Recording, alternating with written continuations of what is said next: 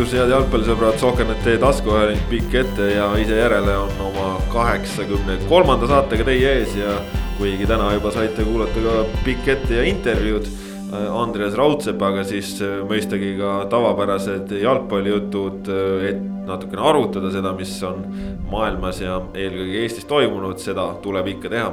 minu nimi Kaspar Elissaar, täna siin minuga Ott Järvela. tere väga valjult äh, räägib täna Kristjan Jaak Kangur. tere. ja taustal on meil liikmeid veelgi, aga nii palju siis sellest, tänase saate teemad äh, peamiselt äh, nagu ikka koduse jalgpalliga seotud. koondis on siin täna juba väga palju kõneainet pakkunud ja sellest räägime ka, aga räägime saate teises pooles, alustame klubi jalgpalli, ütleme siis otsade kokkutõmbamisega, ehk siis äh, premium-liigat ja natukene veel ka mm, Eesti klubide mänge eurosarjas ehk siis FC Florat puudutavad jutud meil ees ootamas on, nii et äh, head kuulamist. aitäh, aitäh okei palun nädalavahetusel. kui soo-, kui soovitakse head, siis on viisakas öelda aitäh. ma mõtlesin, et keegi võiks eetris ka aitäh juba ette ära öelda selle hea kuulamise eest, mida me pakume kuulajatele nüüd. No tore, tore, eks sinagi saad nautida, mida tarka juttu me räägime, aga tegelikult Ott, sa oled kohe esimene, kes siin peab hakkama vastuseid meile andma, sellepärast et. Paide ja Levadia pühapäeval premium-liigas vastamisi olid, pakkusid ütlemata vinge lahingu. aga kas nüüd Levadial on selle hõbeda püüdmisega natukene halvasti või? vaatame tabelisse ja arvutame natukene, et Paide edestab nüüd Levadiat seitsme punktiga ja mõlemal võistkonnal on pidamata kümme kohtumist. Äh, seal tuleb siis silmas pidada, et, äh, et Levadial on nüüd esineliku sees peetud kolmandas ringis ära kaks mängu, nad võitsid Kaljut, kaotasid Paidele, neil on mängimata Floraga ja siis neljandas ringis veel kolm mängu, Paidel on neid pidamata mänge viis. ehk et selliseid keerulisi mänge on Paidel ühe võrra rohkem. Äh, üks omavaheline on ka veel ees, ehk et äh, seal kindlasti ei ole veel midagi nagu nüüd otsustatud või paigas ja, ja nagu ma olen nõus Vladimir Vassiljeviga, kes ütles mulle pärast mängu, et, et noh, Paidest möödasaamine ei ole midagi utoopilist. seda ta kindlasti ei ole, aga see on noh, midagi keerulise ja väga keerulise vahepealset. Ja nõuab Levadialt edasise, edasise hooaja jooksul suurt õnnestumist ja mis, mis, mida tuleb kombineerida omakorda siis Paide vähemalt väikese ebaõnnestumisega ähm, ja noh, tuleb meeles pidada, et kogu, ega selles supis on jätkuvalt ju sees ka Nõmme Kalju, kes äh, küll nüüd selle viie mänguga, mida nad pärast koroonapausi pidasid, viieteist päeva jooksul said äh, viieteistkümnest punktist kätte ainult kuus aga noh, nad ei ole sellest hõbedaheitlusest kindlasti veel väljas, et nüüd neil ongi kaks nädalat aega taastuda. Ja, ja Kaljul samamoodi on noh, neid top kuus siseseid, vabandust, top neli siseseid mänge alles viis, sarnaselt Paidele. ehk et seal eh, esinelikus on veel ikkagi niivõrd palju omavahel mängida. Ehm, et seal nagu mingeid väga selgeid eh, lõplikke järeldusi peale selle, et eh, Flora tiitlite jäämine oleks väga suur ime, ei tasu tegema hakata, et noh, Flora kohta lihtsalt, et minu nagu arvutused ütleksid niimoodi, et kuna, kuna Flora noh, ikkagi tabeli tagumisse poolde okei okay,, nad on kaotanud korra Viljandile ja teinud ühe viigi Tammekaga, aga no tegelikult nad, nad on mänginud väga kindlalt praegu. siis äh, kui Flora saab nendest kuuest äh, top neli mängust, mis neil on pidamata, noh kätte ütleme niimoodi, ma ei tea, neli kuni kuus punkti, siis tegelikult neil peaks juba isegi sellest piisama. aga ausalt öelda noh, ei usu, et see, et see summa on niivõrd väikene. ehk et naastes nüüd sinna sellele tabeliridadele teine kuni neljas Paide, Kalju, Levadia. siis äh, nüüd hooaja lõpusirgele otsa vaadates äh, Paidel on muidugi eelis. Äh, neil on eelis nii selle poolest, et neil on nagu punkte kõige rohkem teiseks on neil eelis sellepärast, et nende mäng nendest kolmest võistkonnast selgelt toimib kõige paremini. ja ma arvan, see on äkki isegi kõige, kõige peamine eelis, äh, sellepärast et, äh, et noh äh,, Levadia, kui nad olid Kaljust kaks-üks jagu saanud, siis ju noh oli selline väga optimistlik äh, retoorika tuli Levadiast, et, et meil nagu teeme head asja, meil asjad toimivad. noh, ütleme nii, et Kalju vastu eelkõige tõestas, asjad toimivad äh, seda äh, tulemus, mitte niivõrd väga mängupilt. nüüd eile Paide vastu, noh, Levadia on ju sõnastanud, nad soovivad mängida domineerivat jalgpalli, Paide suutis selle plaani neile ära rikkuda Aga.... seda, seda möönis ka tegelikult ju äh, Maksim Podholjuzin pärast mängu, ta ütles, et palli hoidmine tuli Paidel ähm, paremini välja ja nad, nad selle lahingu Paide äh, võitis. tõsi, Levadia tekitas eile võimalused ja noh, nad, nad, ka neil olid võimalused see mäng võita aga, aga see, ütleme, see mänguline plaan tegelikult toimis eile paremini Paidel ja see oli otsene võrdlusmoment nüüd Paide ja Levadia vahel. no jaa, aga samas seal kakskümmend viis minutit äh, mängis Paide ülekaalus ja see ikkagi sellele mängu lõpule ja sellise üldisele foonile ikkagi aga, andis nagu mingisuguse ju hinnangu, sest. aga kui me vaatame esimest kuutkümmend viit minutit enne roosnupu eemaldamist, siis ka seal oli Paidel siiski mänguline ülekaal olemas, et Paide taktik Kui,. kuigi ta käis nagu hooti, mingi periood oli, kus Levadia oli, oli ütleme isegi väga ohtlik eks. Äh, Levadia oli ohtlik ja Levadial olid isegi on ju paremad momendid esimene poolaeg, aga äh, need tulid niimoodi pisteliselt, kui me vaatame sellist nagu mängulist pilti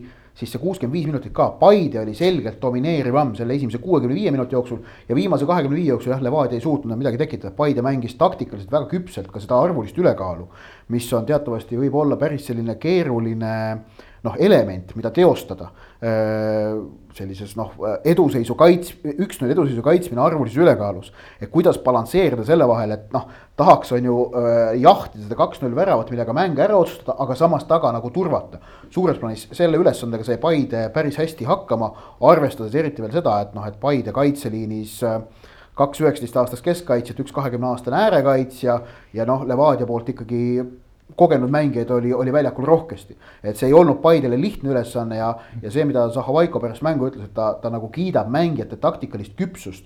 siis eh, ma olen sellega nagu väga nõus, et Paidelt eile taktikaliselt väga küps partii. jah, neil oli õnne eh, ka, aga kokkuvõttes eh, noh, õnn tuleb ka välja teenida. no ja samas teise nurga alt sa ütlesid, kümme mängu on minna, see tähendab, et kolmkümmend punkti on laual ja noh, ütleme, et kümme mängu võidad, kolmkümmend sanga saad peale noh, Levadia tõuseks seitsmekümne ühe punkti peale, et muidugi Levadia praegu ei ole nüüd sellises hoos, aga. aga me näeme Premium-liiga näitel, Flora on kümme mängu praegu järjest võitnud.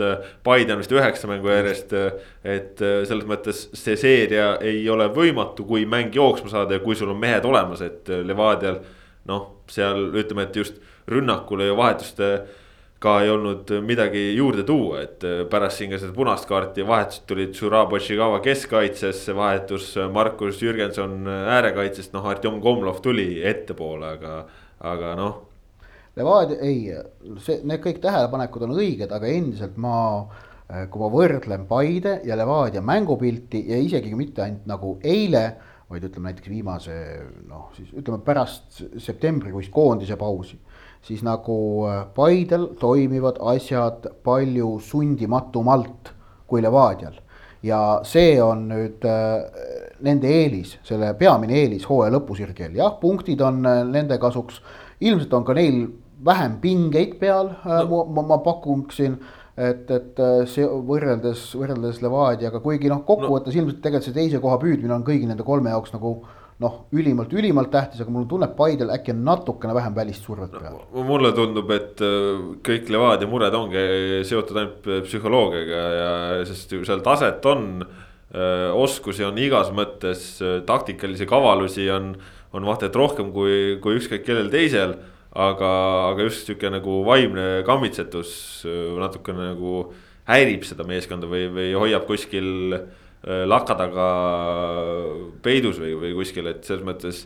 kui selliseid noh, ütleme, et õnnestumisi saada ja see psühholoogiline foon õigeks saada, siis noh, ma näen nagu Levadial tegelikult potentsiaali küll ikka väga kõvasti no jaa, aga seitse punkti tagasi võtta äh,. sa no, räägid, ütled, kolmkümmend punkti on laual, aga noh, et äh, noh äh,, seal selle sees on kaks mängu Floraga näiteks, et keda nad ei ole sel hooajal äh, üldse võita suutnud et noh, et äh, selle kolmekümne punkti võtmine on ikkagi neetult keeruline. et selline noh, reaalne lihtsalt... siht, ütleme nii, et kui Levadia mängib nüüd hooaja lõpusirge õnnestunult, siis minu meelest selline optimaalne punktisumma, mida nad sellest kolmekümnest kätte saavad, on ilmselt selline kahekümne ühe, kahekümne kahe kanti. et äh, a la ütleme noh, äh, seitse, üks, kaks või seitse, kaks, üks, mm. aga kakskümmend kaks, kakskümmend kolm ja nüüd on see, et vahe on seitse, mis tähendab, et Paide tohiks viimasest äh, kolmekümnest kätte saada ainult äh, viisteist või kuusteist, et Levadia saaks Paidest mööda. Et see nagu kirjeldab seda, kuivõrd keeruline see ülesanne tegelikult on. seda küll, aga minu arust äh, sel hooajal võib-olla me ei ole ise ka veel nagu piisavalt tähelepanu sellele pööranud, et ongi, et kui me oleme üldiselt rääkinud. siis noh, ongi nendest, et kui palju on lõpuni, kui palju on saada, siis võib-olla natukene vähem oleme ikkagi seni keskendunud, et, et need tulevad omavahelised mängud. et see kümme mängu ei ole see tavapärane ring, mida sa mängid seal kõikide tabeli tagumise otsa ka, et sa hakkad omavahelistega mängima ja omavahelised mängud on teadagi kuue punkti mängud. kus on võimalik väga palju võita ja väga palju kaotada, et selles mõttes see ütleme, et siis ei ole ainult sul endal ei ole need mängud, vaid kuna ka su otsestel konkurentidel on samasugused mängud, siis seal see. ütleme, et see tabel võib hakata tegelikult seal lõpus veel ka väga palju muutuma, sest lihtsalt sul on iga voor suur mäng ja, ja ainult suured mängud ongi. nii on jah nii on, aga jah, selles mõttes äh, Paidelt äh, väga julgustav etteaste ja, ja noh, Levadia puhul saime siin pikalt räägitud, aga, aga noh, kõige selle taustal äh, ütleme Nõmme Kaljul ka see medalheitlus nüüd selles mõttes liiga hästi ei lähe, sest äh, kui, kui Paide võitis ja Levadia kaotas punkte, siis äh, Kalju nüüd äh, nädala jooksul kaks korda punkte kaotanud, Kristjan Jaak, kuidas sul tundub selle nurga alt, et seal, kas nad kolmapäeval nüüd kaotasid punkte või võitsid selle punkti? Eh, no ma mõtlen Tuleviku nagu üle, vastu. üleüldiselt, ma ei mõtle nagu nüüd, ma mõtlen puhttehniliselt, puhttehniliselt. sest mängupildi järgi noh, kui keegi selle mängu oleks pidanud võitma, siis tulevik. ei, seda nõus. tulevik oli, tulevik oli võidule selgelt lähemal, Meerits päästis seal punkti Kaljule. ei, absoluutselt, absoluutselt, aga noh, lihtsalt noh, paberi peal või noh, nii-öelda tehniliselt, et eh, nemad kindlasti lootsid kuute punkti, Kristjan Jaak. ma ei tea, kas ma võib-olla teen natukene liiga nagu Kaljule selles mõttes, kui, kui ma nagu nii lapiti lajatan, aga et, et ikkagi nagu need, need mängu lõpud lähevad neil kogu aeg käest ära. Et, et on see, kas seda nüüd saab nagu lugeda selliseks noh, mingiks läbivaks jooneks või on see lihtsalt teatud ebaõnn olnud, aga, aga noh, see on nagu selgelt näha. et see on probleem ja ikkagi äh, eriti esimestes mängudes oli ka näha, et lihtsalt mehed väsisid samas, mis minu jaoks nagu väga sümpaatne on, et ükskõik millise mängu järel sa nagu küsid äh, mängijatelt või, või vaata, et tullakse selle jutuga nagu ise, et ei, see ei ole vabandus, et meil noh, on tihedalt mänge praegu teadagi mis põhjustel. et noh, oleks pidanud ise paremini hakkama saama. aga noh, jällegi see, ma kujutan ette, et see sööb nagu vaimselt ka jõle palju, et noh, nagu Meerits, Marko Meerits ütles eile pärast mängu, et et, et noh, me, me tegime enamat kui nagu ühe punkti vääriliselt et me oleks rohkem väärt olnud. aga noh, seal tulevad need siuksed vead ja asjad sisse ja, ja ma arvan ka nüüd, et kui noh, kui sa viis mängu mängid, siis, siis tõesti ei saa nagu ajada selle kuidagi nagu nende, nende vahepealsete probleemide kaela, et, et seal on ikkagi mingisugused muud, muud sügavamad hädad ja ma ei tea, äkki see on ikkagi kuidagi seotud sellega, et ähm, noh, see kõlab nagu veidikene võib-olla ülekohtuselt, aga, aga kuidagi nagu mingitest nii palju, kui ma olen neid Kalju mänge, ma kõiki neid ei ole neid viite näinud lihtsalt paratamatult, aga aga nagu sellest mehest, kes võtaks ja veaks meeskonna nagu enda järel selle noh, siis võiduni või nagu kindlustaks edu ära, et, et nagu sellest jääb natuke puudu. mul on niisugune selline tunne, ma ei tea, see on minu subjektiivne tunne lihtsalt. Mul, mulle on jäänud selline mulje, et pärast seda esimest äh, Kalju tagasituleku mängu Levadia, kus Amir Nato oli hiilgav. on äh, järgnevates mängudes vastased ikkagi väga konkreetselt keskendunud sellele, et saaks äh, NATO kinni panna ja, ja, ja ütleme, Deniss Belov pühapäevase mängu järel ka rääkis sellest, et, et nad keskendusid NATO kinnivõtmisele ja see tegelikult õnnestus. no see on loogiline selles suhtes, et tema on olnud see mees, kes on oma mänguga vedanud, aga vot tal ei ole jällegi sellist.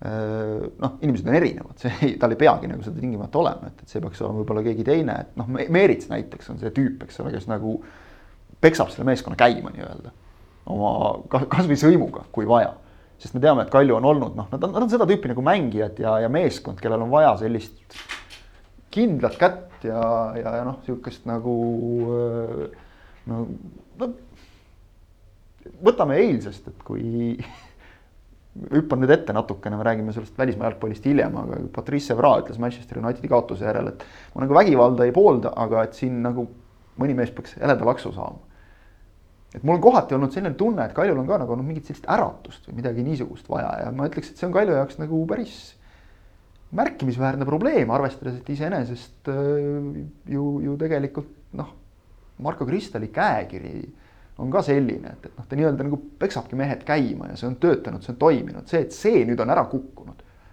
see on nagu minu meelest see Kalju trump. ja see, kui neil seda praegu ei ole, siis läheb neil raskeks. Ott, kuidas sulle tundub, kolmapäeval ka seda Kalju mängu jälgisid, noh, seal muidugi see Igor Subbotini punane kaart jättis ka ikkagi selge jälje sellele Kalju mängule. ja ähm no see, see mäng, kuna see punane kaart oli väga varajane, viisteist minutit või seitseteist, mis ta oli seal. kaheksateist vist läks protokolli. et, et see ju noh, muutis tegelikult terve seda, seda, tervet seda, seda kohtumist. Ehm, see ja, ja, ja ma natukene paneks selle mängu komplekti pühapäevase mängu, eelmise pühapäeva mänguga, kus nad siis Narva Transi kaks-üks võitsid, on ju. et, et neid mänge kokku vaadata, kokku pannes, siis, siis ikkagi mul oli tunne, et nagu, et Kaljul see, see emotsionaalne jõud on ka ju see, mis nagu on jah, just nimelt otsa lõppenud, et, et noh, nagu Kristjan ütles ka, et, et ei, ei, kas seal on nagu see, kes, kes selle võistkonna käima tõmbab, et et, et kuskilt nagu midagi äh, napib ja, ja, ja, ja, ja äkki mõned mängijad, kelle peale seni on saanud olla nagu väga kindel, kes on kindlalt enda nagu tulemuse ja soorituse ära teinud et kui sealt nagu natukene nende pealt on hakanud äh, äh, noh, ütleme nende panus on natukene vähenenud äh,. kõigist natuke. jah ja., kõigilt natukene, aga no näide on üks see, et, et, et noh, Kaspar Paur, kes oli seni kogu aeg üheksakümne minuti äh, mees, siis äh, äh, noh, ta on ju nüüd äh, päris mitmes mängus järjest vahetati ta vahetati ta varem, varem välja ja, ja hoopis Kaarel Usta oli see KTM, kes selle asja nagu äh, lõpuni, äh, mängu lõpuni mängis. no vot, et, et ühesõnaga, et Kaljul nagu on jah. see ongi nagu naljakas, et noh, nagu tehakse asju nagu mängitakse, aga midagi on lagunenud. ja, ja see just, just see on see mingi asi, mille najal Kalju on sõitnud kogu selle senise aja, nii et, et see on see, see on, see on nende jaoks praegu päris suur probleem. Ja kui, äh, kui, kui nad seda nagu kiiresti paika ei saa omal ja ma ei oska samas nagu öelda, kuidas sellist asja paika saada no,. ilus eestikeelne sõna, paus ilmselt tuleb kasuks jah, ilus eestikeelne sõna on äh, otsetõlge vibe. Et see on nagu puudu minu meelest. sest Kaljust ei ole ju mitte keegi ei ole üheski koondises ka, vaid nad on äh, täies koosseisus, saavad nüüd selle kaks nädalat premium-liiga jätkuks valmistuda et, et äh, see on ilmselt nagu Kalju jaoks väga, väga tähtis periood. et sest noh, neil on nagu ilmselgelt vaja sellist nagu väga selget rütmimuutust äh, saavutada. et noh, Levadial jah, nad kaotasid küll Paidele, aga nende ja, ja nende probleemidest on ju ma ennem rääkisin ka, aga Kalju probleemid on süsteemsemad kui Levadial äh, noh, rääkimata Paidest, kellel praegu probleeme ei paista olevat, on ju. Paidel on just seesama see vibe see on nagu meeletult hea, seda näha see..., need noored vennad, kes noh, tulid ka, kes tahavad ennast tõestada siin Eestis ja noh, teha asju, et millise kirega nad mängivad. just. noored see, keskkaitsjad, noored ründajad, noh, kõik see, et, et vot seda, seda üheks... sellist, sellist indu või kirge nagu ei ole Kalju mängul. üheksa mängu järjest võita ähm, nõuab võistkonnalt ülimalt kõrget tähelepanuvõimet, et mitte kuskil ei tekiks mitte mingit vääratust, mitte mingit sellist nagu noh Äh, suuremat äh, jama. Äh, ja et, et Paide linnameeskond on säärast nagu taset suutnud näidata, see on selle klubi jaoks midagi uut, midagi erakordset. esimest korda on nad midagi säärast suutnud näidata. me oleme näinud jah, Flora suutis seda, seda mullu ja on suutnud tänavu noh, ajaloost on seda suutnud ka Levadia ja Kalju, noh Kalju, kui ka kaks tuhat kaheksateist meistriks tuli, mitte ühtegi mängu kaotamata. see oli samamoodi fenomenaalne tähelepanuvõime, et nad ja, ja suutlikkus on ju rasketest olukordadest välja ronida, mida Kalju toona nagu enda kasuks ära pööras. aga, aga ja, ja Levadial on ka ajaloost näidata noh, mitmeid perioode, kus nad on nagu niimoodi väga kõvad olnud, et et Paidel on see nagu, millele toetuda, aga noh, Kaljul hetkel jah, seda kahte nädalat on väga vaja, et nüüd seal kas, kas on vaja mingi, no eks seal, eks seal võistkonna ümber olevad inimesed peavad nüüd vaatama, kuidas nagu see kõige otstarbekam on, kas on. kas on praegu jällegi nüüd väikest puhkust vahele vaja, siis korralik treeningtsükkel, et oleks nagu mingi selline uus tõu-, jõud ja toonus, millega liigale vastu minna. neid noh, seal, see, see nendest meetodist, mis seal Kristali abilised välja valivad, sõltub ikkagi väga palju, Kalju selle hooaja tulemuse osas. jah, ja noh, siin äh, võib-olla seda kahte nädalat äh, koondise jaoks saavadki väga hästi ära kasutada just nimelt äh, Nõmme Kalju ja, ja samas ka Paide, ma ei ütleks mitte Paide, vaid, vaid just FC Levadia, sest nendel ridadest koondislasi ei ole, erinevalt siis Paidest ja, ja Florast. kes, kes selgelt ei saa päris sellise rütmiga töötada, nii et siin ütleme, jälitajatel mingis mõttes eelis on. Aga noh, kui siin veel rääkida nagu hüplikutest ja rütmidest, siis, siis Narva Trans on ikkagi nüüd viimasel ajal oma hoo kaotanud hädas väravate löömisega. nüüd Tartu Tammekaga üllatuslikult tehti väravateta viik, ehk siis matš, kus no ütleme, et oodati kõva väravapidu, seda ei, ei tulnud. käis selline keskvälja heitlus ja, ja pärast mängu Sinead Jeffrey ütles väga konkreetselt, et põhjus on ainult minus et, et sada protsenti minu süü, miks ei võidetud. jätan lihtsalt võimalusi löömata ja, ja nüüd ongi, et siin Transil oli raske hooaja algus, siis juba nagu tuldi tagasi, aga nüüd jälle ongi, et väravad on jäänud kuskile paisu taha kinni ja, ja, ja noh, see. ütleme ka seal kuue sekka jõudmine on ikkagi muutunud keeruliseks jah, noh, me teame, Trans on emotsionaalne meeskond ja mulle ikkagi tundub, et mingil hetkel nagu läks see emotsioon neil natuke nagu üle võlli, et noh, tehtud, tehtud. tulime tagasi mängu ja nüüd, nüüd läheb edasi sama hooga, ei lähe et, et nagu sa ütlesid, see, see heitlus seal on nii, et noh, iga mäng võib seda seisu praegu muuta, me iga voor, eks ole. näiteks just see Tammeka transiviik äh, mõjutas tohutult ütleme tulevikku, Kuressaaret. No see, see, see viik sisuliselt, sisuliselt tagas tulevikule koha kuueses jah, võib küll öelda. Äh, kindlustas väga olulisel määral ikkagi Tammeka positsiooni, sellepärast et lähemale Trans neile ei tulnud. Leegion punkti võrra tuli. okei okay,, ütleme nõnda öelda plaanivälise punkti võrra, sest noh, Leegioni viik Kaljuga oli nõnda öelda plaaniväline. aga, aga ikkagi neli mängu on äh, minna ning äh, neli punkti on Tammekal nii Leegioni kui Transi ees edu olemas, et, et noh seal muidugi annab seda veel maha mängida, aga, aga neli punkti on nelja mängu, neljamängulist perspektiivi vaadates väga hea edu aga väga põnev äh, on see heitlus ka tabeli lõpus, sellepärast et äh, Tallinna Kalev on nüüd ikkagi noh, komeedina sealt äh, tagant tulemas.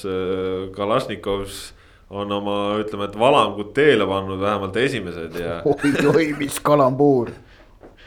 Oleme ausad, sa ei ole ka nagu esimene mees, kes selle kalambuuri teed läheb okay.. aga no see kutsub tegema noh. ei no faktid, räägime faktidest, fakt on see, et Tallinna Kalev võitis Kuressaaret ja.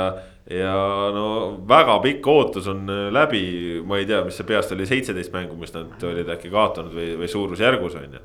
et äh, nüüd on vahe küll endiselt Kuressaarega suur, aga, aga Kuressaare ka ütleme, et ikkagi. seitse mängu, seitse punkti Kuressaare on praegu nagu natuke ära munemas oma asju, et ja. nad pole ka ikka väga pikalt võitnud, vahepeal on Kalev... teinud tugevaid viike, aga, aga. Kalev kaotab Kuressaarele seitsme punktiga ja neil on minna seitse mängu, sest et neil, nende hooaeg on kolmkümmend mängu, mitte kolmkümmend kaks, on ju. ja no seal sees on samamoodi veel, veel üks omavaheline on nüüd sees, neljandas ringis ilmselgelt, noh Kuressaare esikuuikusse noh, mitte mingi valemiga ei. noh, teoorias nad saavad tõusta, aga ma ei usu ja, ja noh, et, et, et seal on, seal on nagu manööverdamisruumi, Kalev peab, kui Kalev suudab ühe võidu veel ära võtta, siis nagu kuskilt, siis nagu. ja, ja Kure jätkab seda, et nad ei saa võite, et noh, nad on viike küll saanud, häid viike isegi, tuleviku viik, tuleviku viik on hea viik, on ju. Aga Kurel on mingit võitu vaja, et natukene nagu seda noh, punkti vahet nagu enda jaoks nagu natukene mugavamaks muuta. no oleme ausad, ühte võitu oleks vaja, hädasti no,. see teeks nagu elu oluliselt kergemaks sest et nad on võtnud vist, kui ma ei eksi nüüd enne eilset, siis kümnest, üleeilset, kümnest mängust oli vist viis viis viiki, viis kaotust, et noh, just sellised korralikud punktid nagu asjalikud, aga, aga noh, võitu ei ole ja eks see, eks see nagu sööb jälle natuke. muidugi sööb, noh. ja Kalevil ei ole, vaata siin on natuke tekib nüüd, eriti tekib see tunne võib-olla Kuressaarel ka, et, et noh, kurat, kui me nüüd maha mängime. Kalevil ei ole kaotada absoluutselt mitte midagi. Nemad on juba paljude poolt maha kantud ammu ja tegelikult seda oli nagu nende laupäevasest mängust näha ka, et see lust, millega Kalev mängis. Äh, äh, Kalašnikov on teinud asjad, noh ütleme hästi nagu sirgelt öeldes lihtsamaks. neljane kaitseliin, Anier on ees, mängime sealt kuidagi nii. Tõõmov, noh, väga oluline lüli neil kahtlemata, keda näiteks eelmises mängus ei olnud kaartide tõttu. Anieri Tõõmovi koostöö toimis väga hästi, samamoodi ääred, Murad Velijev on, on väga kenasti tulnud pilti ja noh, tegelikult Reinhard Reimaa nagu taset me teame, Reimaa sel aastal, sel hooajal on no võrdlemisi vähe saanud nagu ääre peal mängida käe all et nüüd, kui ta saab seal äärel nagu ründes mängida, siis on nagu vähemalt selles laupäevases mängus oli näha kohe seda tema isukust, millega ta seal ääre peal tegi ja võttis.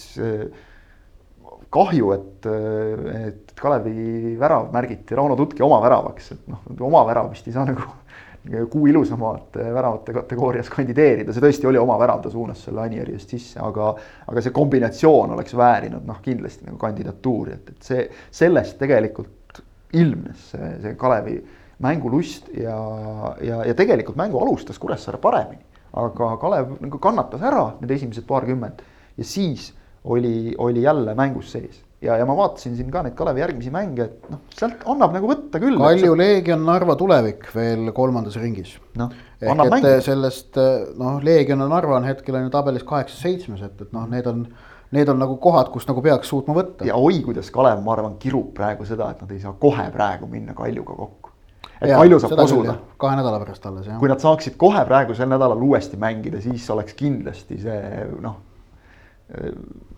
ütleme, emotsionaalne tasakaal oleks rohkem Kalevi poole kaldu mm. -hmm. aga, aga noh, Kalev jah, ütleme, teeb oma asja sümpaatselt. Takkajärgi tark on ja lihtne olla, et võib-olla oleks nagu algusest peale Kalašnikovs toodud siia ja proovitud temaga mine tea, noh, Leetmaa tahtis mängida rohkem sellist äh, ka, et nagu palliga ja, ja ründavamat mängu ja, ja võib-olla natukene üle selle võistkonna võimete kohati.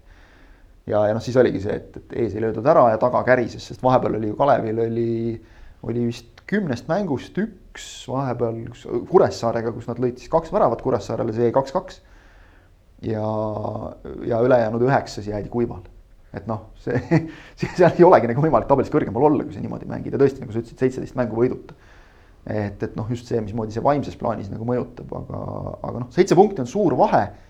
see ei ole, kuidas sa enne sõnastasid äh, Levadia kohta, et. see ei ole mingi kolm viiskümmend. see ei ole mingi kolm viiskümmend jah. see on kaks korda rohkem kui kolm viiskümmend.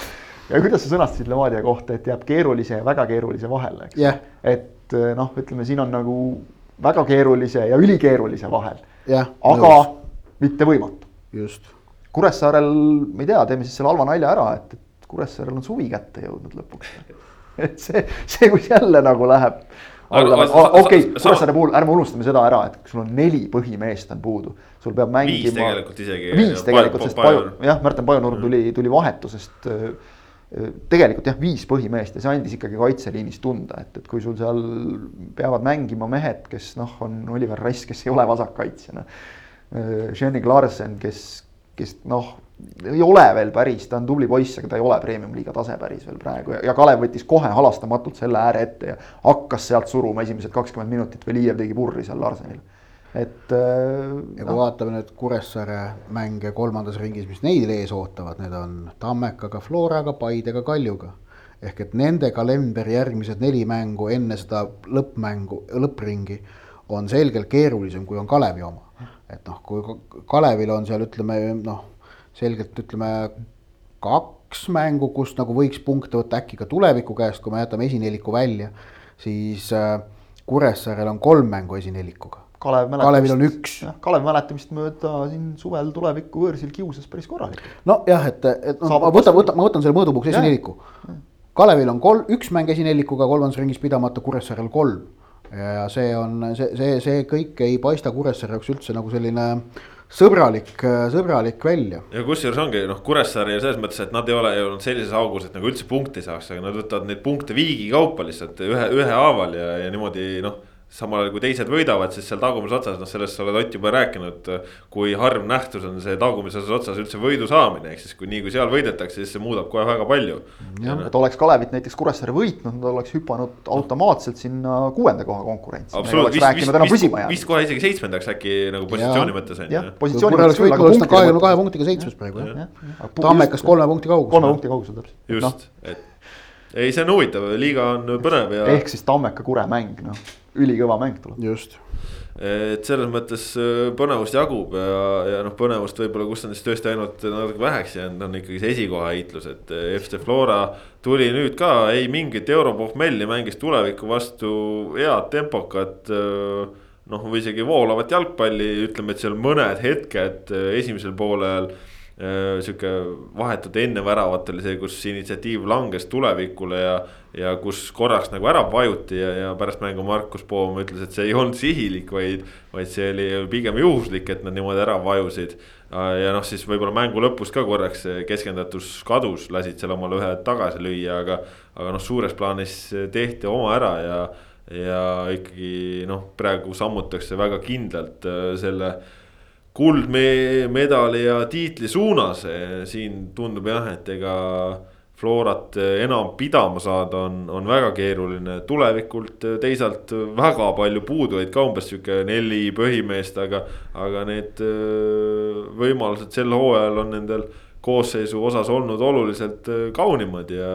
ja tõesti, algkoosseis oli neljast puudest hoolimata esinduslik, noh tõsi, siis see, see pink oli, oli see noh, juba no. vaikselt legendaarseks saav kolm last ja, ja Poola ime, aga aga noh, oligi, et ega sealt pingi pealt äh, tuua ei olnud ja, ja noh, midagi ta võib-olla lõpus mõjutas ka seal. mehed pooleldi vigaselt panid, aga, aga noh, tulevikult ikkagi noh selles mõttes korralik nädal selja taga, et äh, Kaljuga võõrsilt viik Florale üheväravaline kaotus, noh ei ole nagu väga halb, kuigi tõesti punkte juurde ei tulnud, aga nendel see viies koht tundub, et ka, et ega keegi seda ka neilt küll ära ei võta. oli ülitähtis selles mõttes, et äh, see vahepealne ambitsioonikas lubadus, et, et äh, midagi me sellest väga keerulisest seeriast ikka võtame, see ju tegelikult ei täitunud. ja, ja noh, väga lihtne on ära unustada seda, eks nende selle tuleviku hea hooaja alguse järel, et, et kust nad ikkagi tulema hakkasid, et see, et sa tood endale ütleme mõned Marinid ja Herolid, noh, see nagu ei, nii hüppeliselt ei tõsta veel võistkonna, võistkonna taset, et sa nüüd saad hakata siin kohe suurtega võrdselt mängida, et mängima, et, et me näeme ka tegelikult Paidel oli ju eelmisel aastal ka suht korralik sats. no mäletan. võttis, võttis nagu ikka aega, eks ole, praegu näiteks, kui sa vaatad praegu Paide sügavust, et kui siin mõni mäng on olnud selline, et vaatad, et noh, algkoosseis on päris kõva ja siis seal sul Anierid ja Sinilaiud ja, ja muud sellised vennad istuvad nagu kõik riburada pidi pingil mööl ja kõik, eks ole. see nagu näitab võistkonna sügavust, et nagu sa ütlesid, tõesti sellist Kuressaare tulevikul ei ole eh, veel. aga noh, pilt on juba tulevikul oluliselt parem võrreldes eelmise hooajaga ja kui nad nüüd selle esikuuiku koha kätte saavad, siis jälle, eks ole no,, selle peale ütles... ehitada samm, noh Lang ütles esiviisiku kohta on vaja ikka kätte no, saada ja, ja noh, see ütleme, kui hooaja alguses Sander Kapper liikus Tammekas tulevikku, siis olid ju inimesed vaatasid, et, et miks ta nagu sammu tagasi teeb, et praegu vaatab, et ta on ikka sammu edasi teinud, on ju, et. ja et, et noh, see, aga see käib kõik nagu sammhaaval just, eks ole, et ei saa nii, et, et sa nüüd hüppad kohe, et isegi Paide, kes siin kõvasti investeeris ja väga kõvasid mängijaid tõi, eks ole, ei. ei hüpanud ikkagi medalile eelmisel hooajal. see võtab, see, see nõuab nagu mingit kogemust ja aega ja kõike seda, et, et aga noh, tulevikul.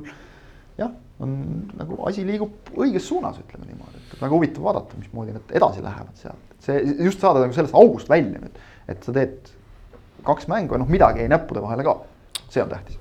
Väga hea, läheme siit edasi premium-liiga juttudest. Praegu aitab, aga, aga jääme otsapidi premium-liigaga seotuks, sest FC Flora lõpetas oma eurohooaja äh,, eurohooaja siis äh, neljapäeval võõrsil Zagrebi Dünamo vastu, esimest korda ajaloos mängiti Euroopa liiga play-off'is.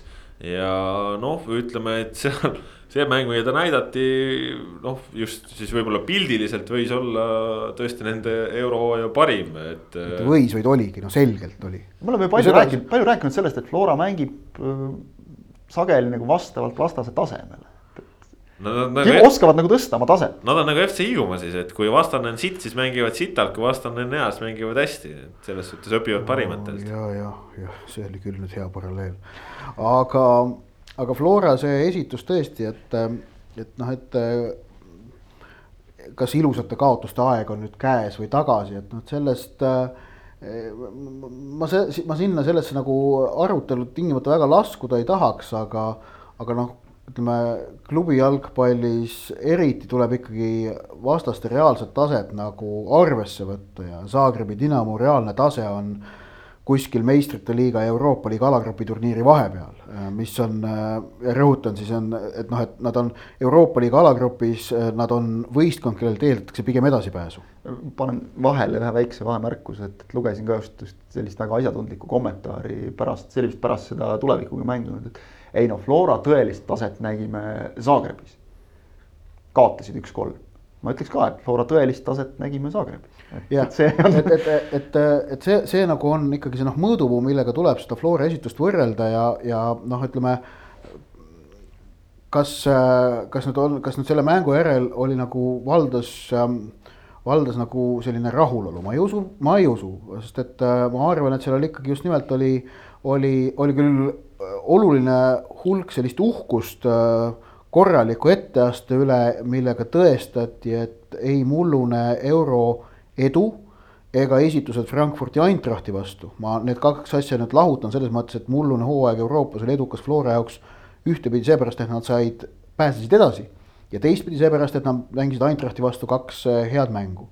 Eh, ja, ja et, et see ei olnud eh, juhus, vaid, vaid nagu kui kaks hooaega järjest on Flora suutnud Euroopas nii pääseda edasi kui ka teha tippklubi vastu noh, korraliku mängu, siis, siis see näitab mingit uut taset.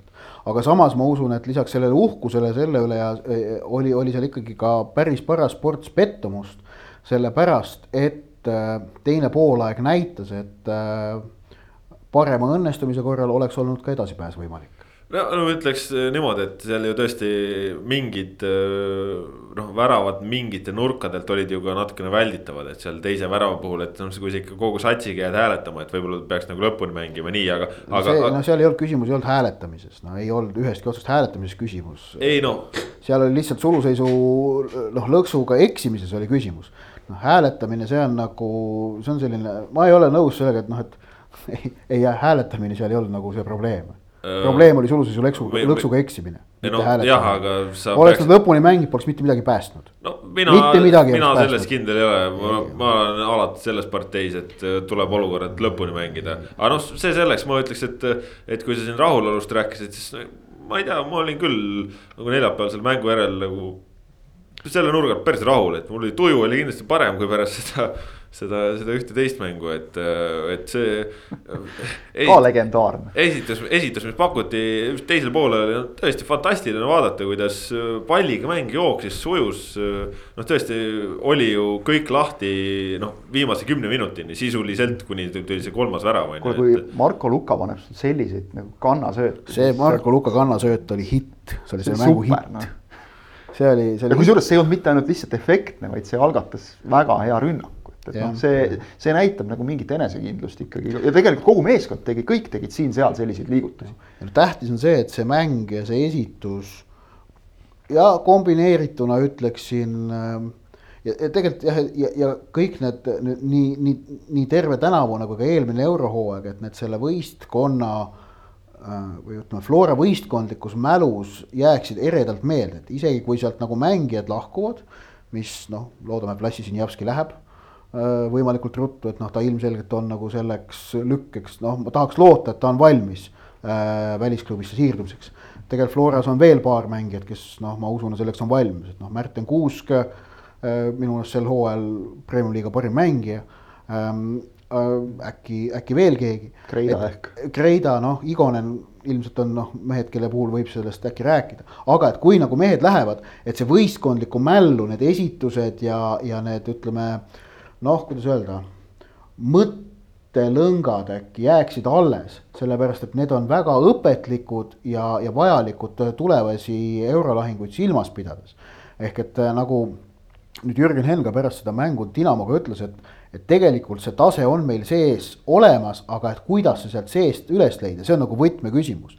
et nüüd Dinamo vastu esimest korda suudeti üles leida see tase, mida mullu näidati nii Radnitški kui ka Eintrachti vastu ehk et eh, tõesti, et mängud eh, Suduva, Reykjaviki ja Florianaga olid vähem säravad, kuigi noh, mitte ühtegi neist mängudest ei kaotatud. ei normaal- ega lisaajal ja kaks tükki, üks neist võideti normaalajal. et, et selles mõttes noh, õpetlikkust oli selles eurohooajas väga palju. kokkuvõttes see eurohooaeg oli nii Flora jaoks kui ka ütleme, Eesti jalgpalliklubide eurosarjade äh, tavapärased standardid arvestades tegelikult väga edukas, mitte ainult edukas, vaid väga edukas. kahe vastase alistamine on ikkagi äh, noh, Eesti jalgpallis juhtus alles kolmandat no, korda. vaata, me räägime kahe vastase alistamist, aga mõtleme selle peale, et Flora mängis nelja erineva vastasega Euroopas, väga kõva no. ju väga kõva noh. no see on, ütleme. no see oli muidugi nagu soosivad tegurid, mis seda aitasid, aga lihtsalt. ei no see on, see on tingitud võistlusformaadi muutumisest. ja, ja, aga no lihtsalt, et ongi, et Flora on... sai neli euromängu super no.. see on, see on kaks korda rohkem kui miinimum, ütleme. nagu täitsa okei ju tegelikult. kahetsust tekitab nüüd siin see, et, et äh, ei olnud üheski, et need kõik paarid olid ühest mängust seoses sellega, et, et me elame koroona aja jalgpall ja ja et mitte ühtegi neist ei mängitud publiku ees, mis, äh, mis noh, tegelikult no seda, selle piirangu otstarbekus ei ole tegelikult olnud ju noh, ei ole märke olnud, et see piirang oleks otstarbekas olnud. no, aga no, siin näeme muutuseid. seda tegelikult UEFA ka möönis, ehk et nüüd olukord, kus nagu koroonaviirusega olukord hakkab minema üha kehvemaks, siis nüüd on publik äh, UEFA mängudel lubatud. no see jah sest noh, kehvemaks hakkab ta minema igal pool Euroopas praegu, no see on nagu selgelt näha, aga nüüd lubatakse publik staadionile. augustis, kui seis oli päris okei okay, või septembris ei tohtinud keegi minna. Nad saavad aru, et on vaja ikkagi eluga kaasas käia ja, ja tuleb mingite asjadega kohaneda. sellest, sellest noh, publikust me võime ja, ja noh, koroona ja publik ja sellest võib eraldi saate teha. aga jah, et Floral on tähtis nagu need õppetunnid, kuidas öelda, sinna võistkonna DNA-sse jäädvustada et, et nende, nende peale siis ehitada järgmistel aastatel midagi sarnast ja tuletame meelde, et kui äh, Flora äh, tuleb tänavu Eesti meistriks, noh, mis tundub, on ju tõenäoline, siis noh, järgmisel hooajal on eurosarjade formaadis muutus ehk et lisandub äh, tugevuselt kolmas, tugevuselt kolmas eurosari. ilma nimeta, ütleme Äh, no noh, me ilmselt hakkame seda nimetama UEFA Conference, Conference League. ma tahtsin öelda, et üks päris ilge nimi on tal olemas. No, me, me, tõlk, me tõlkima me seda ei hakka konverentsiliigaks. jaa, aga siin ongi vajagi midagi paremat, see ei saa sihuke laensõna ka jääda. no ma arvan, et ta jääb. Mudaliiga.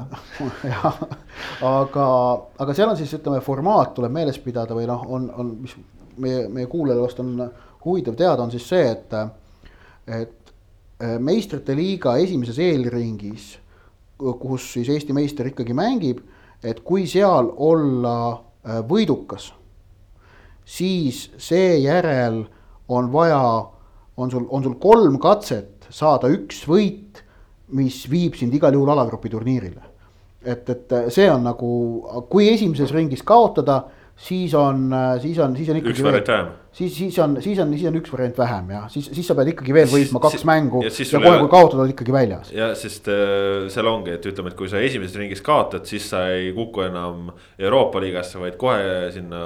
Conference League. Conference League'i on ju, aga kui sa võidad, siis sul ühel hetkel tekib võimalus ka Euroopa liigasse pääseda nojah, et siis sa oled jätkuvalt meistrite liiga konkurentsis, kukud sealt välja, kukud Euroopa liigasse, kukud sealt välja, kukud Conference League'i play-off'i ja yeah., ja kui seal kaotad, ehk siis on noh, üks võit, kolm kaotust, siis sa tõesti ei saa. aga kui sealt võidad, siis oled ka alagrupis. ehk et eh, see selline nagu noh, ütleme šanss Eesti meistril järgmine hooaeg alagruppi jõuda noh, nagu ma ütlesin enne praegu seda Dinamo mängu, et on parem kui kunagi varem ja järgmine hooaeg ilmselgelt Eesti meistril on ka šanss parem kui kunagi varem. üks tähtis asi veel vaatasin ära, mis on nüüd Flora eh, isiklik eurosarja koefitsiendi punkt mille järgi pannakse paika võistkondade asetused. Eesti parim nüüd vist. Eh, ei no nüüd, nüüd jah, selgelt muidugi nüüd Eesti parim on ju kaks aastat järjest meie või noh, kaks aastat järjest nagu edukas oldud. ja, ja siin varasematel hooaegadel meistrite liigas mängitud, see tuleb ka alati kasuks ikkagi, et kui sa meister oled olnud. et äh, selle koefitsiendi punktiga, mis Floral on nüüd olemas ja millega nad järgmine hooaeg eurosarjas äh, osalevad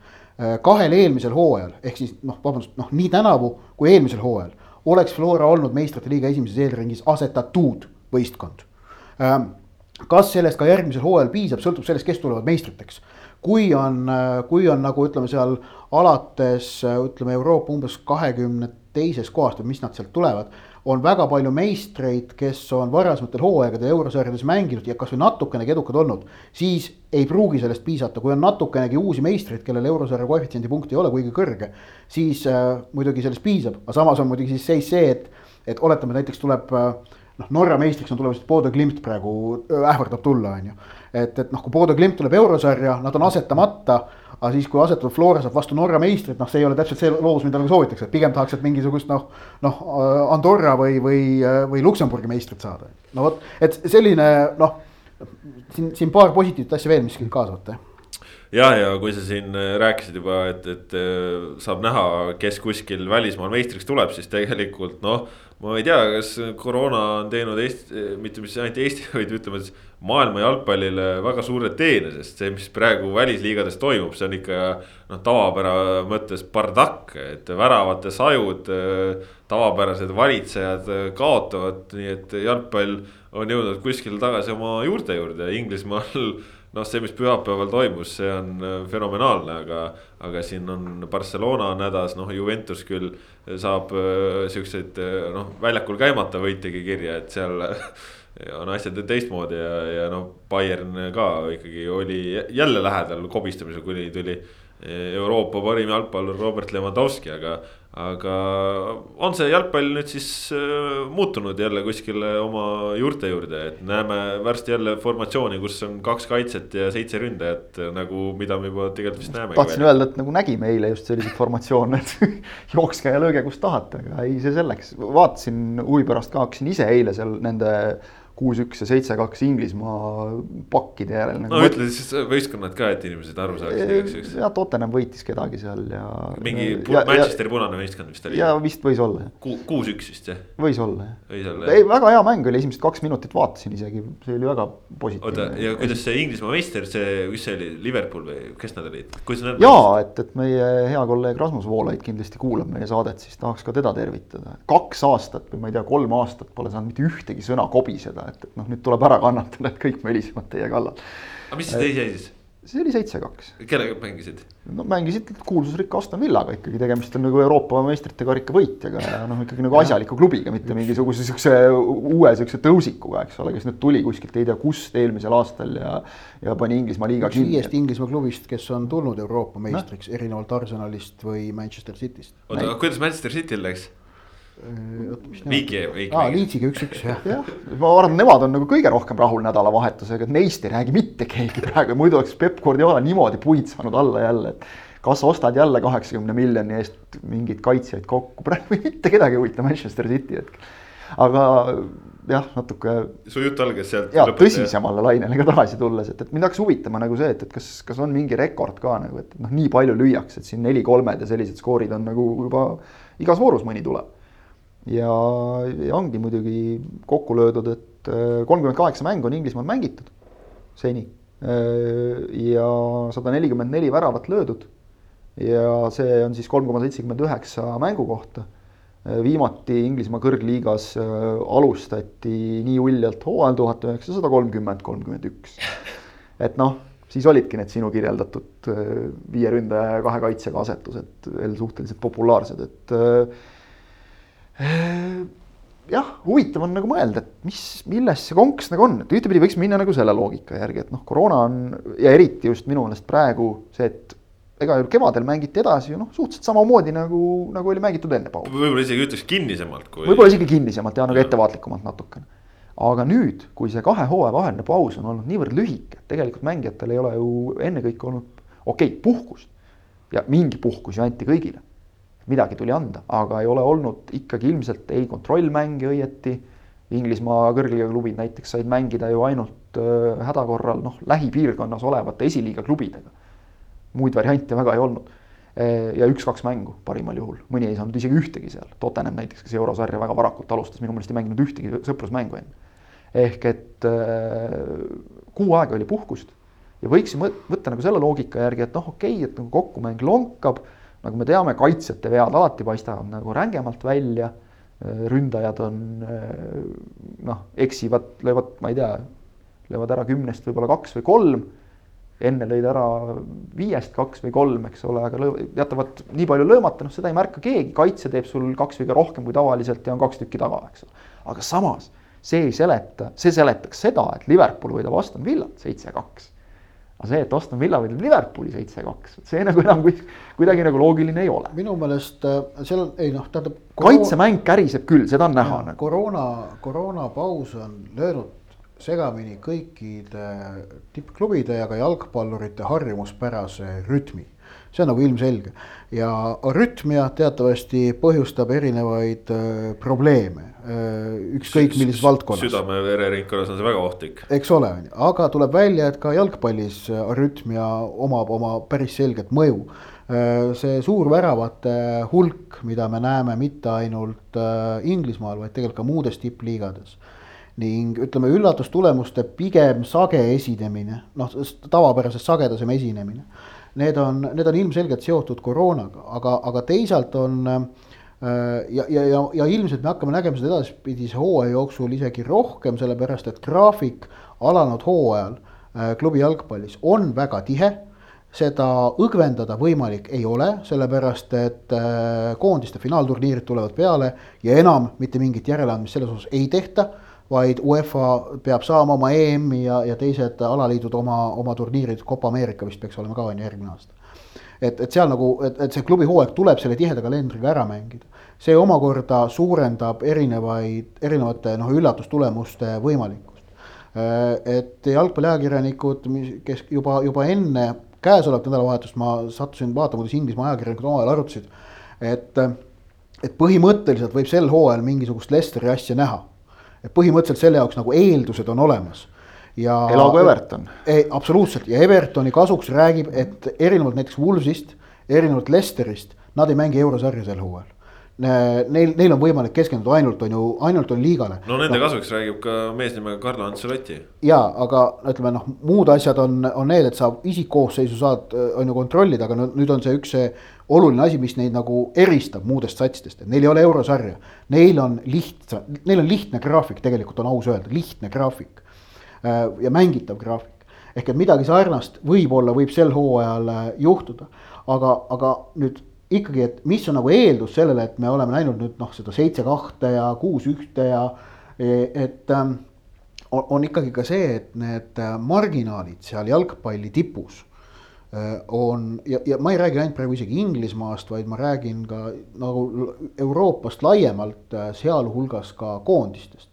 et, et tegelikult minu meelest nagu need marginaalid on läinud äh, väiksemaks äh, klubide vahel Äh, võistkondade tasemevahed on väiksemad kui kümme, kaksteist aastat tagasi või isegi viis-kuus aastat tagasi. mis omakorda tähendab seda, et kohe, kui kuskil nagu midagi rebeneb, äh, siis võib tagajärg olla äh, noh, väga selline järsk ja, ja sügav. mis siis väljendub noh, väga kõrges skooris ehk et kui Liverpool oleks mänginud võrreldes Aston Villaga sama kehvasti kümme aastat tagasi.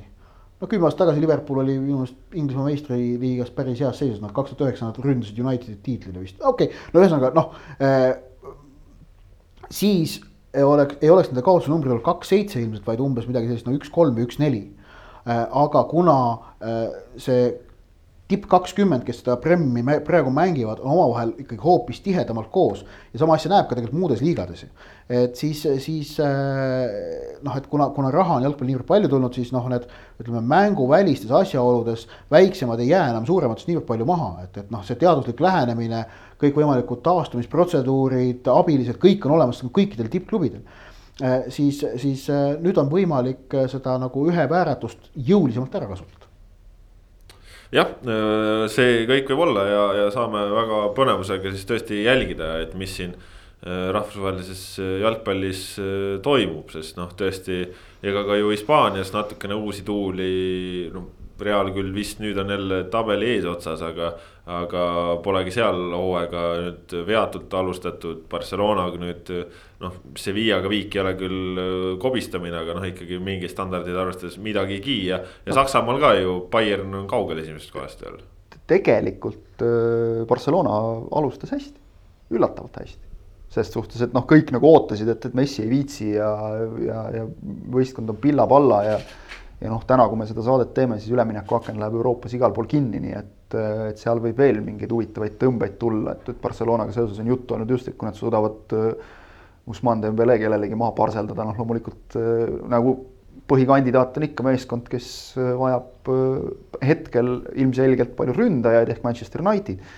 et siis Dembelet nagu viiakse sinna jutuga ja siis Memphis Depay oleks ilmselt Kuumani noh, selline ilmselgelt nagu miks Kuumani valik ära tuua, nii et, et seal, seal võib veel praegu midagi juhtuda ja noh, olles siin nagu Messi tegutsemist mingites mängudes näinud, et, et see on nagu tõeline proff, et, et mees, mees mängib noh, nagu mees muiste aga siis äh, muidugi tuleb, tuleb väljakult ära ja siis annab ühe inteka, et klubi juhtkonnas on debiilikud, et noh, see, see on ka oskus omaette. aga, aga et selle taha nagu ma küll ei usu, et midagi jääb, et Messi ei viitsi mängida või midagi sellist ja noh, kuniks ta mängib seni, see, ega see Barcelona nüüd nii palju ka kehvem ei ole kui teised no,. absoluutselt. ja, ja noh, Saksamaal on täpselt see, et, et jällegi kuniks Levanovski viitsib, siis ongi nii, et Levanovski neli, Herta kolm, et, et noh, löö palju tahad, et Leva lööb ikka ühe rohkem ehk et äh, jah, ütleme, see on nagu hästi positiivne Saksamaa puhul, et, et kaks mängu on järjest näidanud, et ka Bayern on haavatav. et see, see on, see on alati nagu selles mõttes, et ma ei tea, Eesti liigas võiks ka keegi korraks Florale jälle natukene Florat sugeda, et ega noh, see tulevikule kaotus nagu Florat ei, ei teinud ja nende seisu tabelis nii palju kehvemaks, aga see tekitas kõigil teist, kõigis teistes tunde, et op, võib mängida küll seda ole, seda, seda me tahame tegelikult nendest tippliigadest ja jumal tänatud, et Liverpool jälle kaotas, et noh, ka, et ei lähe eest ära, sest oht oli, et noh, City ilmselgelt ei saa nagu oma asjadega hakkama. ja et, et noh, see on kõige hullem asi, mis juhtuda saab ju tippliigades, et üks meeskond marsib eest minema ja polegi nagu midagi vaadata jah, no kahtlemata meie ka Eesti jalgpallikoondise fännidena tahaksime loota, et äh, kõik sündmused on võimalikud ja nii, aga aga siin praegu nüüd siin värskete uudiste valguses tundub, et see Eesti kaotuste laine hakkab ikka juba vaikselt ka mängijate seas äh, seda koondise tähtsust kuidagi minimeerima, et siin juba mehed vabatahtlikult jäävad koondisest eemale muidugi ka vigastustega, tänased värskemad uudised siis, et koondisega vigastuste tõttu ei liitu Marko Meerits siis nüüd teiste koondise hakanud järjest jääb eemale Ken Kallaste ikka väljas. Äh, Henri Anier ei saa tulla ja selles mõttes äh, nüüd koroona tõttu Artur Pikk ei saa Leedu mänguks tulla ja, ja siis ühed mehed lihtsalt ei tule, ehk siis keskkaitsjad Joonas Tamm isiklikel põhjustel tahaks tulla, aga ei saa tulla. ja Karol Mets on siis siirdumas Saudi Araabiasse äh, Rootsist Aikist ja, ja klubivahetuse tõttu ei taha tema riske võtta ja, ja jääb ka eemal, nii et meil on tavapärased keskkaitsjad kadunud, Artur Kotenko sai uuesti koondise kutse, nüüd Kristjan Pelt, noor Paide äss võib isegi öelda, kes on väga sümpaatselt mänginud. vanust kas äkki üheksateist alles, et on nüüd koondises. jah, et noh muude puudumistega on nagu on ja need ei ole otseselt üllatavad, need oli noh, Meerits on üllatav, aga ütleme, kolmanda väravahi vahetus ei ole teab mis äh, suur mure rahvuskoondise jaoks. Äh, Meerits kindlasti ise oleks muidugi tahtnud olla koondises, aga noh, mis teha. Äh, Kallaste ja Anieri puudumine ei ole üllatus, aga Tamm ja Mets on siis tõesti sellised viimase hetke uudised ja no need kahtlemata on, on väga olulised puudujad Eesti koondise jaoks, et ja noh, see tähendab seda, et, et kõigi eelduste kohaselt siis valikmängudes või noh, rahvuste liiga mängudes Makedoonia, Armeeniaga. no minu loogika ütleb, et keskkaitsepaariks on Nikita Baranov, Märten Kuusk. mis noh, oleks nagu kõige loogilisem. see on tugevaim valik hetkel võtta. ja, ja siis noh, eks näis, kas mängus Leedu vastu äh, arvestades seda, et, et Kuusk ja Baranovit on kindlasti kahes tagumises mängus vaja et kas nagu mängus Leedu vastu emba-kumba neist säästetakse, äkki isegi mõlemat, see tähendaks pürg-pelt keskkaitsepaariga mängimist mis oleks, on ju Peldi jaoks debüüt ja Pürgi jaoks. kolmas mäng. kolmas mäng koondises. Ehm, noh, ei, ei, ei saa on ju välistada, aga, aga see paneb jällegi selle, ütleme eh, elu seab nüüd ikkagi selle Leedu mängu ikkagi eh, selgelt nagu noh, sõprusmänguks. nii on ja, ja, ja siin tuleb nüüd Voolaidil tuleb nagu mm, teha julmi valikuid, et eh, panused tuleb panna Põhja-Makedoonia, Armeenia mängudele ja, ja kui see tähendab äh, Leedu vastu noh, teadlikult nõrgem, noh, okei okay,, tähendab, et niikuinii tuleb saata no, nõrgem koosseis Leedu vastu teatud põhjustel. aga kui, kui on vaja nagu veel teha mingeid otsuseid, äh, siis noh, neid tuleb paraku teha ja, ja siis, kui Leedu vastu seetõttu nagu kaotatakse, siis tuleb noh, kuidas öelda, kõik see nagu vastu võtta, et noh, see on nagu see, vaata, see on, see on õudselt nõme olukord see on väga nagu, nõme olukord. sest et noh, emotsionaalselt ja igatepidi noh, pluss veel vastane on Leedu on ju, no mis on noh, Balti naaber, mis tähendab, et noh, nendele kaotamine alati on eba, ebamugav või meeldiv. isegi vastik võiks öelda. no sõltub, on ju, Läti on vastik et sõltub ja, ja lisaks lisame siia on ju selle noh, pika võiduta seeria ja väravapõua ja kõik, kõik, kõik sellega seonduva. Ja nüüd ometigi on see, et sa ei tohi nagu tegelikult minna Leedu vastu täiega võitu püüdma vaid prioriteet peab olema neli päeva hiljem Põhja-Makedoonia mäng. ja samas nii, et koondis ei saaks sellest Leedu mängust mingit negatiivset emotsionaali. just, just sest yeah. seda negatiivset on niigi praegu nagu palju, et kuidagi nagu see sealt välja lülitada, eks ju, aga võib-olla siis ongi nagu selle võrra lihtsam, et panedki selle nii-öelda teise koosseisu.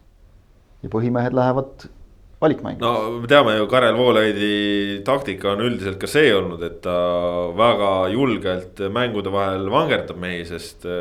et noh, toime tulla siis selle Euroopas pakutava koormusega ja, ja tegelikult ju noh väga huvitav olukord, sest kui siin on praegune hunnik äh, nüüd värskeid puudujaid, siis juba varasemalt ju Sergei Zinofid, Hendrik Ojamaa, Iljan Tonovit, see tähendab, et Eesti koondise nimekirjas on äh, kaheksa mängijat, kes mängivad välismaal, kaheksa. Kõik ülejäänud on koduliigast.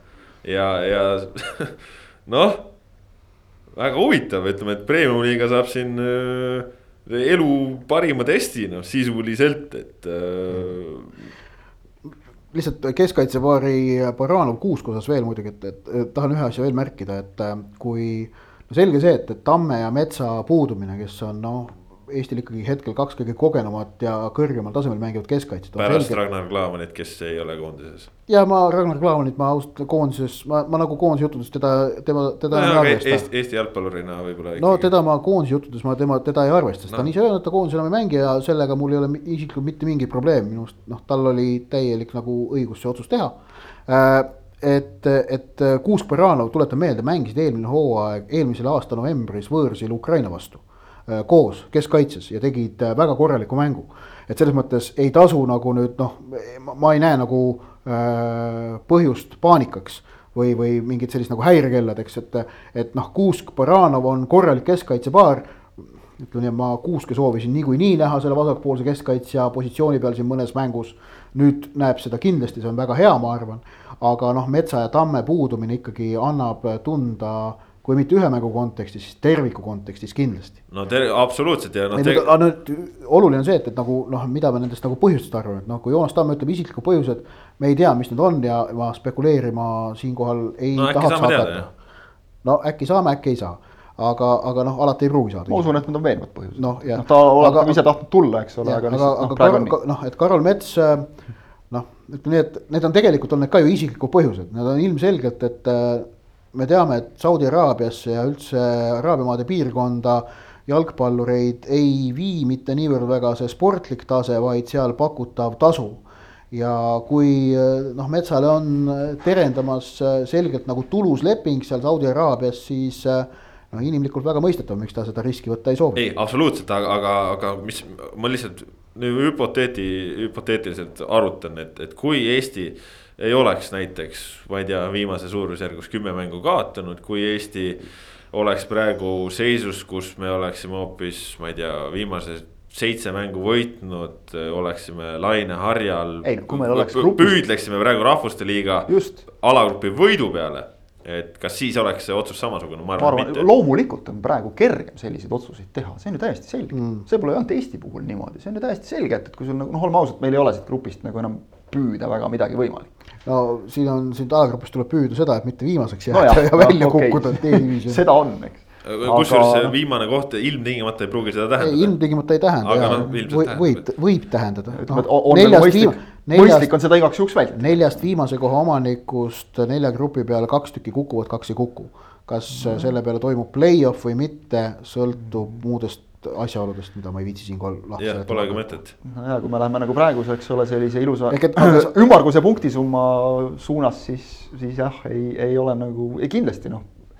ma ei usu, ma ei usu, ma ei taha nagu uskuda, eriti nagu Metsa ja Tamme sugused mehed, ma olen nagu ikka üsna kindel, et, et selliseid otsuseid nagu kerge südamega ei tehta, et umbes, et ah, et noh, pole eriti hästi läinud ka, et okei okay,, seekord ei viitsi minna, et, et nagu noh, oleme ju näinud, kuidas need mehed mängivad ka, eks ole kuidas mets põleb igas mängus ja vahel isegi natuke liiga palju, et seal nagu tahtmise või kire taha nagu küll ei jää, et, et see noh, aga see on loogiline küsimus, et noh, kergem teha seda otsust vast ikka on jah, et kui, kui Eesti mängiks praegu kuskil, ma ei tea, mingi play-off pääsme või mingi asja peale, siis ma arvan, et Mets võtaks selle riski näiteks, et praeguses olukorras on see, nagu Ott ütles, igati mõistetav aga siis ta võiks võtta selle riski, tal oleks oluliselt raskem teha seda otsust praegu sinnapoole, aga hetkel on see ka tõesti täiesti mõistetav. ja kuulge, aga see olukord äh, tagaliinis on ju, Taio Tõniste tuli koondises äh,, ei ole mänginud alates septembrikuust, kui, kui sai koondises vigastada on ju, Ken Kallast ei tulnud, et.